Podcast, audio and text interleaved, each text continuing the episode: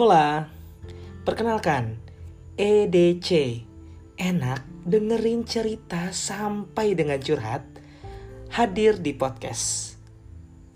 Kita akan membahas cerita sampai dengan curhatan Yang sering kita temui Atau mungkin kita alami Dari hal receh Sampai hal gak penting tapi penting buat kita bahas Ada di sini. Kali ini saya ingin membahas tentang bersyukur. Sebuah kata yang mudah diucapkan tapi sulit dilakukan. Sebenarnya ini bukan soal sulit yang gimana-gimana ya. Tapi percaya atau tidak, sering kali kita lupa tentang arti kata bersyukur. Lupa yang saya maksud ini bisa terjadi karena memang kita sudah terbiasa dan terlalu sering mengeluh tentang hal-hal yang berkaitan dengan sandang, pangan, atau papan kita. Sehingga itu lama-kelamaan menjadi budaya dan DNA kita hingga saat ini. Loh, loh, loh. Tapi kan kita boleh dong mengeluh. Benar, boleh dan sah-sah saja untuk kita mengeluh. Tapi balik lagi, apakah dengan mengeluh akan merubah banyak hal? Akan merubah hasilnya? Coba deh, sekarang ambil waktu sebentar, terus kamu ingat-ingat lagi deh hari ini. Hal apa aja sih yang udah kamu buat gitu ya? Yang sampai tuh kamu tuh mengeluh kebanyakan di hari ini.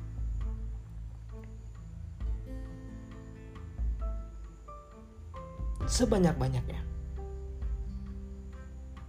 Kira-kira kamu macet di jalan, kamu mengeluh. Datang keretanya udah jalan, kamu mengeluh.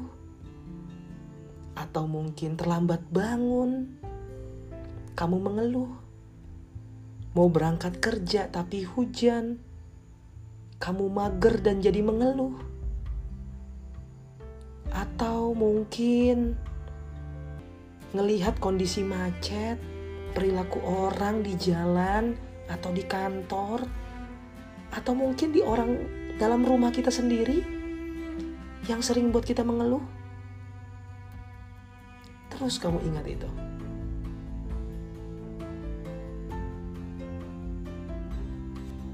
Kalau sudah kamu ingat-ingat hal apa saja yang kamu keluhkan di hari ini, sekarang, coba kita cek nih, apakah hal-hal yang kamu keluhkan tadi itu ada manfaatnya, ada dampaknya terhadap hasil yang kita inginkan atau kita harapkan nggak? Contoh, kamu mengeluh karena bangun paginya terlambat atau mepet jadi buru-buru. Kamu ngedumel, wajar ngedumel. Tapi pertanyaannya, apakah itu akan merubah waktunya menjadi supaya kamu tidak terlambat? Tentu tidak. Atau hal yang lainnya. Tapi kalau kamu ada, tolong DM saya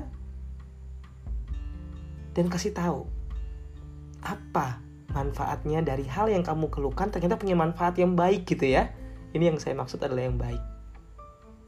Tolong DM ke saya di Erich Dacosta di Instagram. Tapi kalau nggak ada, mulai sekarang kamu boleh coba nih. Ada tiga cara yang sering saya pakai setiap hari, mulai dari malam sampai dengan ketemu malam lagi, gitu ya untuk meningkatkan rasa bersyukur. Yang pertama, kamu sekarang hitung semua kebaikan Tuhan yang diberikan padamu mulai dari kamu bangun tadi pagi sampai malam ini. Jadi cara yang pertama ini saran saya kamu lakukannya ketika sebelum tidur. Coba ingat-ingat lagi. Sambil kamu pejamkan mata, kamu ingat apa saja kebaikan Allah, kebaikan Tuhan di sepanjang hari yang kamu lewatin ini. sampai malam ini kamu berbaring di tempat tidur.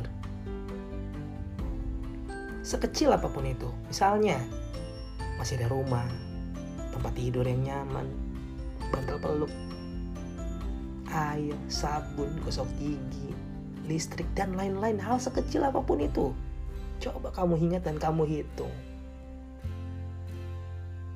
Saya rasa itu nggak akan pernah habis kamu hitung. Karena saya sudah melakukannya. Tidak pernah habis untuk menghitung itu dari pagi sampai saya ketemu malam lagi. Yang kedua,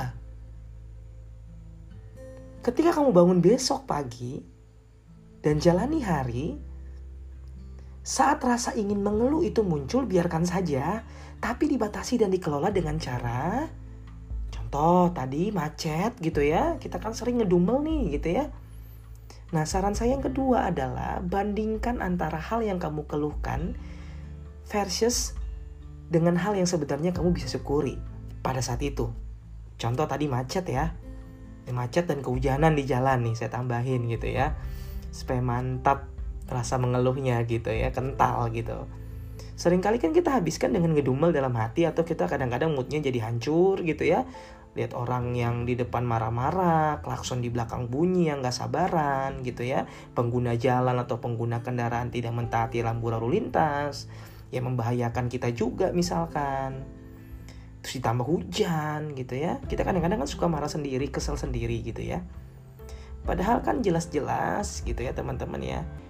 Hujan dan macet itu nggak bisa kita kontrol Nah ini poin yang pertamanya nih. Jadi bandingkan saat itu juga ketika hujan dan macet gitu ya, ada hal-hal yang tadi saya sebutin. Coba deh, kamu bersyukur. Jadi versus gitu ya, ditabrakin teman-teman. Jadi hujan tadi, macet tadi ditabrakin dengan bersyukur. Contohnya, ketika hujan macet, kamu tabrakin dengan rasa bersyukurnya seperti, wah, ingat langsung tuh ya berpikirnya kayak, oh gue bersyukur ya masih bisa naik kendaraan saat orang lain mungkin berangkat kerja nggak naik kendaraan bos gitu ya atau gue masih bisa uh, apa menikmati hujan saat ini. Karena mungkin tempat lain lagi meminta-minta hujan tapi nggak turun-turun hujannya kekeringan gitu ya. Kita dikasih hujan misalkan. Nah hal-hal yang seperti ini dan masih banyak lagi yang teman-teman bisa gali bisa temui ditabrakin. Ketika saat rasa ingin mengeluh itu muncul boleh kita ngedumel sebentar gitu ya untuk melepaskan energi positif negatif kita. Setelah itu teman-teman tabrakin dengan hal-hal yang uh, positif untuk meningkatkan rasa bersyukur seperti yang tadi. Dan yang ketiga, ketika kita melihat orang lain yang jauh lebih sulit keadaannya di depan mata kita nih, seringnya kita temui nih teman-teman ya, entah itu di jalan, uh, di transportasi umum, di kendaraan, kita lihat keluar gitu ya. Kita kadang-kadang suka, aduh kok kasihan ya. Maka saat itu saran saya berdoalah untuk mereka yang kamu lihat saat itu atau orang yang kamu lihat saat itu serta bandingkanlah, bandingkanlah dengan keadaanmu saat itu. Yang mungkin jauh lebih baik daripada orang yang kamu lihat di depan mata kamu. Tiga poin ini yang bisa untuk membangun budaya bersyukur dalam kehidupan kita. Semoga tiga hal tadi, yaitu hitung kebaikan Tuhan sebelum kita tidur, Ketika mengeluh itu datang, versuskan dengan rasa bersyukur. Dan yang terakhir, doakan serta bandingkan keadaanmu dengan orang yang mungkin saat itu kamu temui kondisinya jauh lebih sulit darimu. Sebab bersyukur itu emas yang ditimbun yang kita dapatnya nanti. Dan bersyukur itu adalah pintu kebahagiaan. Thank you.